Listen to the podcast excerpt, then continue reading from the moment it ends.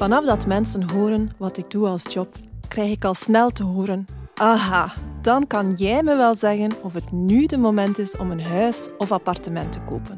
Want of je nu 20, 40 of 60 bent, het voor je eerste een kleinere of een vakantiewoning is, quasi iedereen lijkt interesse te hebben in de woningmarkt. Welkom, professor Céline de Schrijder. Jij bent econoom en je komt hier een pertinente vraag beantwoorden, waar heel wat mensen het antwoord op willen weten.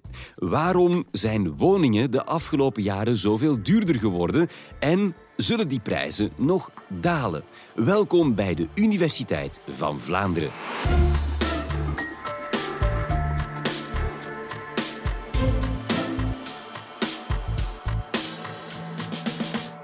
Die interesse voor de woningmarkt is inderdaad opvallend. Veel mensen lijken zich de vraag te stellen of die huizenprijzen nu stilaan gaan beginnen dalen of dat ze toch gaan blijven doorstijgen. En die vraag is ook niet zo verwonderlijk. Dan het andere nieuws. De woningprijzen. Ja, die blijven stevig stijgen. In vergelijking met hetzelfde kwartaal een jaar geleden is de prijs van alle vastgoed met ruim 4% gestegen. We zijn nu eind januari 2022 en het laatste anderhalf jaar hoorden we enorm veel nieuwsberichten over sterk stijgende huizenprijzen in Vlaanderen. De vloer zit erin, het is opgekuist. In deze podcast wil ik een overzicht geven van mijn opgebouwde kennis over wat die woningprijzen in Vlaanderen zoal drijft. Het is wel heel duur allemaal. En om te beginnen wil ik wat cijfers toelichten, want zo hebben we direct een beter beeld van de huidige situatie. Stadbel, het Belgische Statistiekbureau, berekende op basis van de verkoopactes van notarissen dat de Vlaamse woningprijzen in het voorbije jaar sterk stegen. Stadbel publiceert daarbij de mediaanprijs. Dat wil zeggen de prijs waarbij er precies zoveel verkochte woningen zijn met een lagere als met een hogere prijs. En die mediaanprijs in Vlaanderen was in 2021 300.000 euro voor een huis en 225.000 euro voor appartementen. Zo'n prijs van 300.000 euro voor een huis is voor de gemiddelde Vlaming natuurlijk een enorm hoog bedrag. En het is hierbij ook belangrijk om te wijzen op grote regionale verschillen. Want de prijzen van huizen in de duurste gemeente van Vlaanderen, Knokke-Heist, die waren bijvoorbeeld meer dan het dubbel dan voor heel Vlaanderen, terwijl die in de goedkoopste gemeente, Menen, dan maar net iets meer dan de helft bedroegen. Bovendien zijn er ook grote verschillen qua type van huis. Want de prijs voor een vrijstaande woning die lag bijvoorbeeld zo'n 80.000 euro hoger dan die 300.000 euro voor alle huizen bij elkaar. Wanneer we naar de stijging van de Vlaamse woningprijzen kijken, dan zien we in 2021 een toename van 25.000 euro voor huizen en 18.000 euro voor appartementen. Dus voor beiden is dat een prijsstijging van zo'n 9% tegenover het jaar voordien. Ook hier zijn er wel grote lokale verschillen, want kijken we naar Knokke-Heist, de duurste gemeente, dan zien we een veel kleinere stijging van zo'n 2%, terwijl Menen, goedkoopste, dat hij zelf een prijsdaling liet noteren. Nu, dat die woningprijzen stijgen, dat is natuurlijk niet abnormaal. Want ook de prijzen van alle andere goederen en onze lonen die doen dat. En het is zo dat de Europese Centrale Bank een toename van de consumptieprijzen met 2% op jaarbasis als normaal beschouwt bij een stabiele economische groei. Die consumptieprijzen stegen de laatste maanden wel veel meer dan dat, tot wel 6,5% in december. Maar dan nog is die stijging van de woningprijzen met 9% groot. Ook wanneer we naar het verleden kijken, dan is de prijsstijging in 2021 opvallend, want in de tien jaar voordien was die slechts 3%. Dus wanneer ik korte berekening maak voor die mediaanprijs van 300.000 euro, dan zal een jaarlijkse groei, zoals die in 2021, tien jaar later voor een prijs zorgen van 716.000 euro. Is die groei daarentegen maar gelijk aan het gemiddelde van de tien jaar voordien, dan is dat 413.000 euro. Een verschil van maar liefst 300.000 euro. We kunnen dus echt wel stellen dat de recente cijfers wijzen op sterke woningprijsstijgingen. Nu dat we een beter beeld hebben van de cijfers, kunnen we ook meer gericht gaan kijken naar die onderliggende factoren. Wat drijft die prijzen nu precies? Waarom stijgen die woningprijzen zo sterk? En hierbij kan ik echt meteen gaan antwoorden met een oeroud cliché voor een econoom, namelijk vraag en aanbod. Simpel, Heel simpel, maar het vat wel de kern samen. Wanneer de vraag het aanbod overschrijdt, dan stijgen de prijzen. Wanneer de vraag zakt ten opzichte van dat aanbod, dan ziet men die prijsstijgingen verminderen of men ziet zelf dalende prijzen.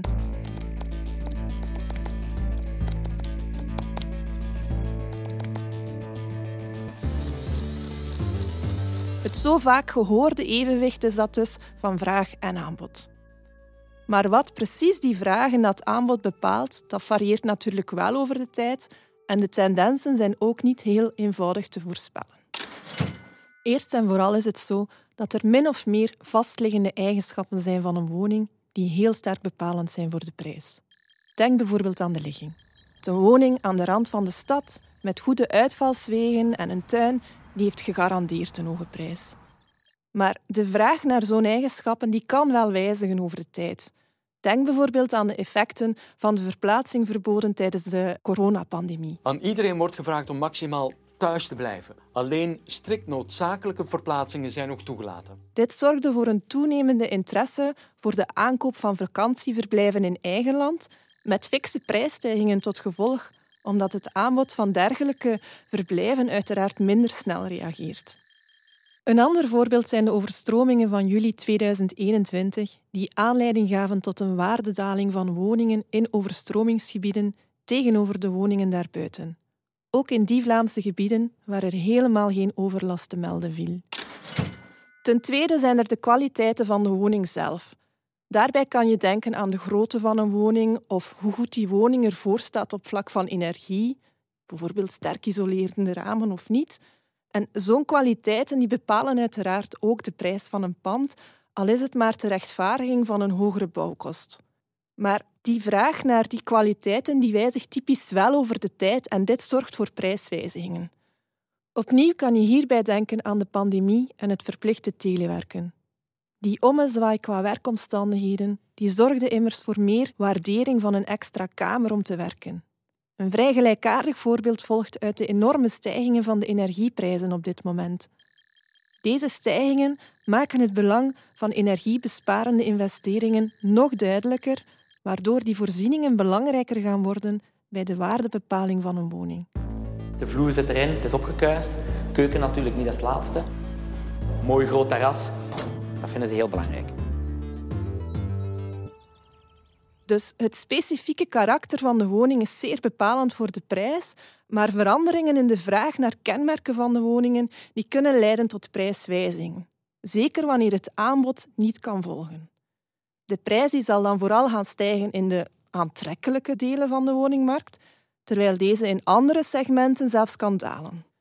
Hier is het ook zo dat bepaalde types van panden niet gelijk verspreid zijn over Vlaanderen, wat er dan ook kan voor zorgen dat die effecten meer of minder spelen in een bepaalde regio. Een andere niet te negeren factor voor woningprijzen is dan de demografie. Dit is eerst en vooral een kwestie van aantallen. Want hoe groter de toename van onze bevolking, hoe meer nood aan huizen, vooral op langere termijn. Indien het aanbod die vraag niet volgt, dan stijgen logischerwijze de prijzen. Maar op korte termijn is ook de samenstelling van de bevolking en dus van de kopers van belang. De voorbije jaren merken we in deze context een sterke toename op van het aandeel van kopers ouder dan 30 jaar. En het vaak grotere budget van oudere kopers en de specifieke voorkeuren die ze hebben, dat zal ook prijzen gaan doen stijgen in bepaalde delen van de woningmarkt. Zeker wanneer het aanbod niet in dezelfde mate mee evolueert. Een typisch voorbeeld zijn hier de jonge gepensioneerden die kleiner en met meer comfort willen gaan wonen dicht bij publieke voorzieningen. De prijs zal dus stijgen voor dat type van woningen. Een enorm cruciale factor voor elke aankoop van een woning is natuurlijk de mate waarin je ervoor kan betalen. De capaciteit tot betalen die wordt in grote mate bepaald door het inkomen en het vermogen van de kandidaat-koper. Maar natuurlijk, het merendeel van de gezinnen in België doet voor de aankoop van een woning een beroep op een lening. En zo'n banklening die geeft meer mogelijkheden, maar de mate waarin je kan lenen is uiteraard niet onbegrensd. Het hebben van een stabiel en een voldoende hoog inkomen is dan ook noodzakelijk om zo'n lening te verkrijgen, want dat geeft de bank een idee van jouw capaciteit tot terugbetaling. Dus hoe beter jouw inkomen, hoe meer en hoe goedkoper je gaat kunnen lenen en hoe meer je gaat kunnen betalen voor een woning. Dus periodes van lage economische groei en hoge werkloosheid, waarin inkomens algemeen lager of onzekerder zijn, zoals tijdens de pandemie bijvoorbeeld, die zullen zo de woningprijzen gaan afremmen. Daarnaast is het ook zo dat banken strikter geworden zijn bij het toekennen van woonleningen, omdat hun regels werden opgelegd na de ervaring van de financiële crisis van 2008. Zo moeten ze meer buffers aanhouden en ook strenger zijn voor klanten waarvan de afbetalingen te hoog zijn ten opzichte van hun inkomen of waarbij het geleende bedrag te hoog is tegenover de prijs van de woning. En die regels die zorgen ervoor dat het moeilijker is om een lening te krijgen, wat de woningprijzen doet dalen omwille van een dalende vraag. De bank vraagt voor zo'n lening natuurlijk een rente.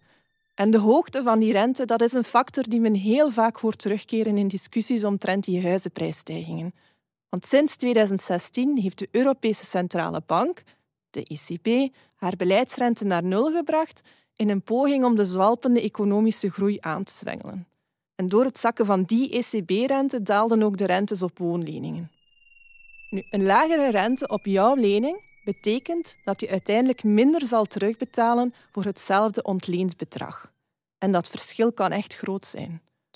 Op een te lenen bedrag van 300.000 euro betaal je met een vaste rente van 4% zo'n 434.000 euro terug op 20 jaar. Bij een rente van 2% is dat 364.000. Dus voor krak hetzelfde ontleenbedrag van 300.000 euro betaal je 70.000 euro minder terug door de rentedaling van 4 naar 2% De lagere rente zal uiteindelijk leiden tot woningprijsstijgingen, omdat die huizenjagers ertoe kan aanzetten om een hogere prijs te bieden voor een pand. Want de koper gaat dan wel meer schulden aan voor die hogere aankoopprijs, maar tegen een lagere rente, waardoor het totale terug te betalen bedrag van die aankoopprijs wordt gecompenseerd. Natuurlijk kan dit enkel wanneer de bank ook akkoord gaat om dat hogere bedrag te gaan uitlenen. Maar ook hier speelt die lage rente een rol.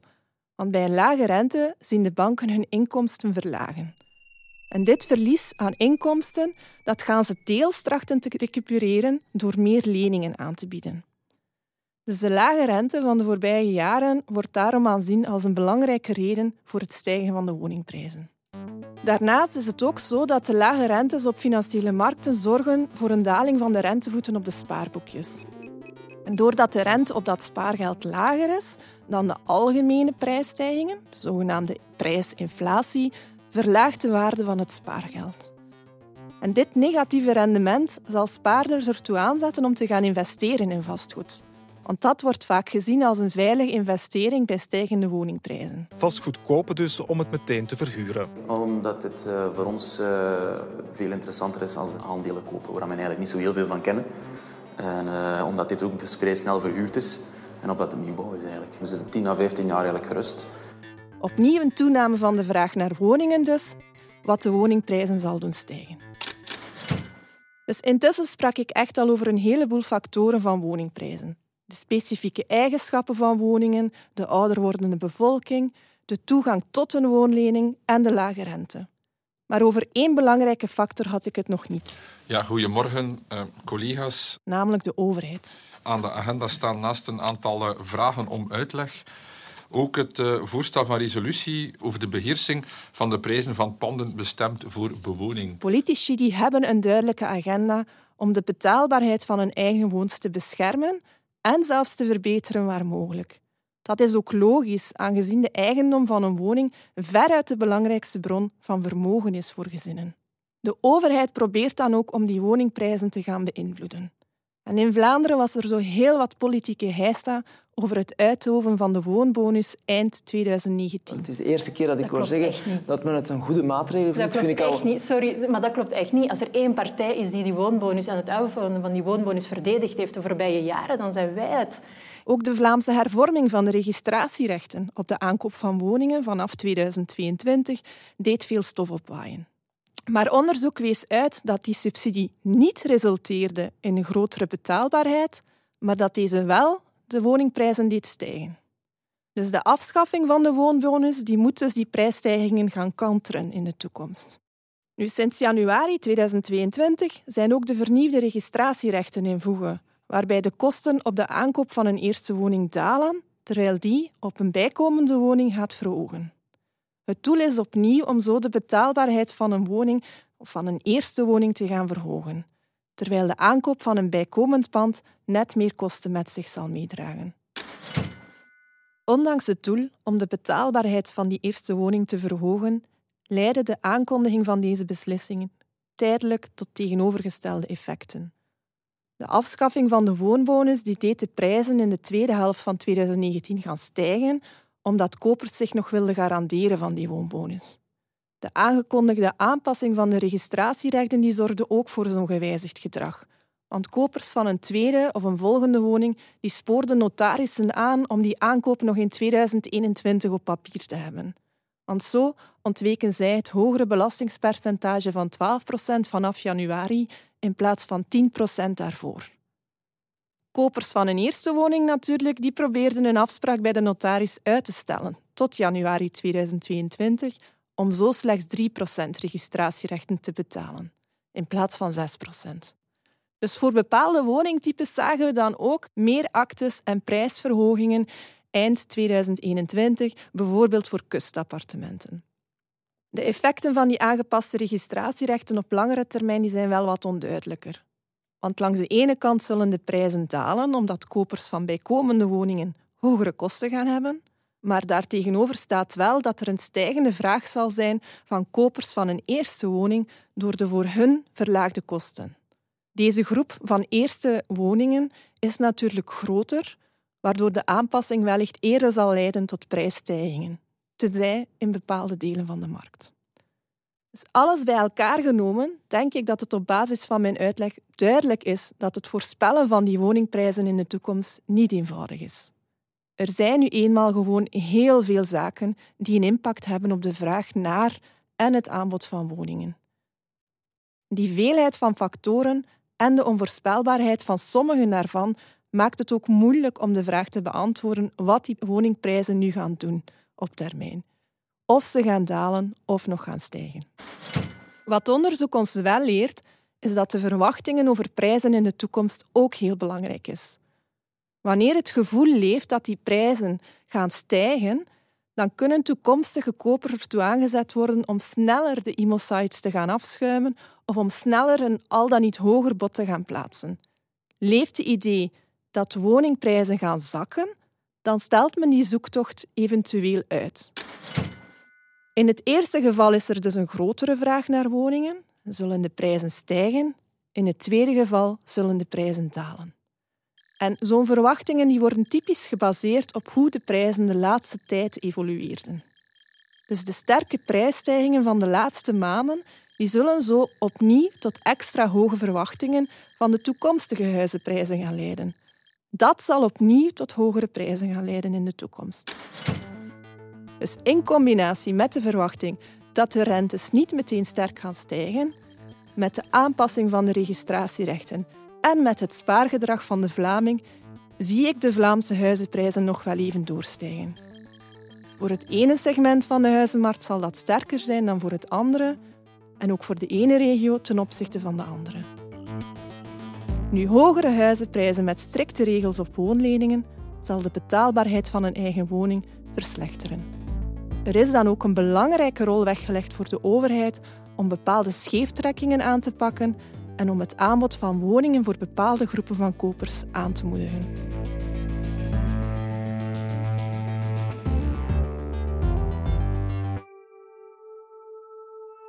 Dankjewel, professor De Schrijder. Ik, als huiseigenaar kon ik niet anders dan egoïstisch zitten denken... Hmm, goed nieuws, want de prijs van mijn huis blijft stijgen. Of is dat niet alleen goed nieuws? Zie ik dat rooskleurig? Nee, dat is ook zo. Dat is ook een van de argumenten dat ervoor zorgt dat die woningprijzen kunnen blijven stijgen. Want indien jij bijvoorbeeld een nieuw huis wil gaan aankopen, dan heb je eigenlijk wel een soort winst gemaakt op de verkoop of bij de verkoop van jouw vorige woning. En dat zorgt ervoor dat jij in de toekomst ja, eigenlijk een hogere prijs gaat kunnen bieden voor dat volgende huis. wat de woningprijsstijgingen opnieuw doet stijgen. Er zijn natuurlijk heel veel mensen op zoek eh, naar hun eerste woning, eh, bijvoorbeeld. Mensen die uh, nog geen huis hebben gekocht. Heb ik goed begrepen dat we willen allemaal hetzelfde? Dus een goede strategie is een beetje out of the box denken. Misschien één van die kenmerken die iedereen wil, vrijstaand, op een bepaalde afstand van een stad, maar ook niet te druk. dat soort dingen. Om één van die kenmerken te laten varen, wordt het dan snel goedkoper om een huis te kopen? Ik denk dat het inderdaad enorm belangrijk is voor toekomstige kopers om zich echt de vraag te stellen van wat vind ik belangrijk in een woning? Wat is voor mij echt een must? En hoe kan ik dat bekomen? Moet ik dat echt kant en klaar gaan kopen? Of kan ik met de nodige begeleiding um, een huis kopen waar dat er wel mogelijkheden, mogelijkheden zijn om dit uh, te, gaan, te gaan verkrijgen? Dat is heel belangrijk. Maar inderdaad is het wel zo dat een hele grote groep van mensen zoekt naar gelijkaardige huizen. En als het aanbod van die huizen constant blijft, gaat dat die stijgingen opnieuw nog altijd gaan ondersteunen. Dus dat is wel iets dat gaat blijven. Maar er zijn wel ja, mogelijkheden om toch een soort eh, ja, pand op de kop te gaan tikken, waarmee mits een beetje liefde en werk en, en begeleiding dat daar toch veel van te maken is. En moet men zich vooral gaan afvragen van wat zijn de kwaliteiten die ik echt wil en welke zijn eerder een plus, om zeker een goede afweging te gaan maken. Kan je er de vinger op leggen wat voor de grootste prijsdaling in mijn zoektocht uh, zou kunnen zorgen? Is dat de locatie van een huis? Is dat de afwerkingsgraad? Uh, zijn, zijn dat nog andere factoren of is dat moeilijk te zeggen? Dat is vrij moeilijk te zeggen. Het is uiteraard zo wanneer je in een bepaalde regio gaat wonen die verder weggelegen is van ja, bepaalde jobs of uh, scholen of wat dan ook, dat die prijs onmiddellijk gaat dalen. Maar daartegenover staat wel dat je ook meer kosten gaat hebben qua vervoer of bijvoorbeeld qua aansluitingen van die woningen. En het is niet altijd eenvoudig te zeggen dat dat gaat opwegen ten opzichte van elkaar. Um, en het is ook zo dat ja, je gaat een woning kopen die je ook wel voor je leven of voor een lange termijn, dat je daarin jezelf ziet wonen. Dus ik denk dat die eigenschappen, dat vooral een kwestie is van wat wil je en niet zozeer gaan aanpassen van ja, hoe goedkoop kan ik het verkrijgen. We hebben het heel veel gehad over uh, die overheidsinmenging en over de vraagkant. Uh, maar zit er ook niet vooral een probleem uh, aan de kant van het aanbod? zou het helpen als we veel meer huizen zouden bouwen? Zouden de prijzen dan dalen? Wanneer het aanbod stijgt van de woningen waar er echt heel veel vraag naar is, dan gaat dat de prijzen kunnen doen drukken. Maar het is niet zo dat we echt een tekort aan woningen hebben. Het is meer dat we hebben een tekort aan bepaalde types van woningen. En ik denk dat daar ook wel de sleutel ligt. Niet alleen woningen gaan bijbouwen en bijzetten, maar ook de bestaande woningen gaan ja, updaten naar meer hedendaagse normen. We kennen het allemaal, het kleiner gaan wonen, eh, meer oog voor energie, eh, beter eh, bereikbaarheid van publieke transport enzovoort. Dat zijn echte zaken waar moet op ingezet worden, naar mijn mening. En tot slot, zijn die hoge huizenprijzen niet vooral het teken van een gezonde economie? Is dat niet vooral goed nieuws voor ons allemaal dat de woningen zo duur zijn? Nee, dat is zeker niet het geval. Uh, dat is uiteraard goed nieuws voor wie al een tijdje of ruime tijd een woning bezit, want die ziet de waarde van zijn ja, vermogen omhoog gaan. Maar het, het is eigenlijk wel gevaarlijk wanneer die huizenprijzen de pan gaan uitswingen, omdat er dan een probleem gaat komen van betaalbaarheid voor woningen. Dus betaalbaarheid om te gaan kopen, maar ook de betaalbaarheid om jouw lening te gaan aflossen. En wanneer er te grote problemen komen bij die aflossing van die leningen, dan gaan ook onze banken in gevaar kunnen gaan komen. En dat is precies waarom er ook die strikte regels zijn. We willen als overheid, als Europese Centrale Bank, echt wel die huizenprijs-swings gaan tegenhouden, omdat die volatiliteit net gaat aanleiding geven tot gevaren voor het financiële systeem. Net zoals we in de financiële crisis ook gezien hadden. Dankjewel, professor Celine de Schrijder, voor deze interessante uiteenzetting. En jij bedankt om weer te luisteren. Wist je trouwens dat we naast podcasts ook video's maken? In een van die video's vertelt Sven Dame of huren weggesmeten geld is. Misschien vind je dat ook interessant. Wie weet, tot daar op YouTube of anders hier tot een volgende podcastaflevering.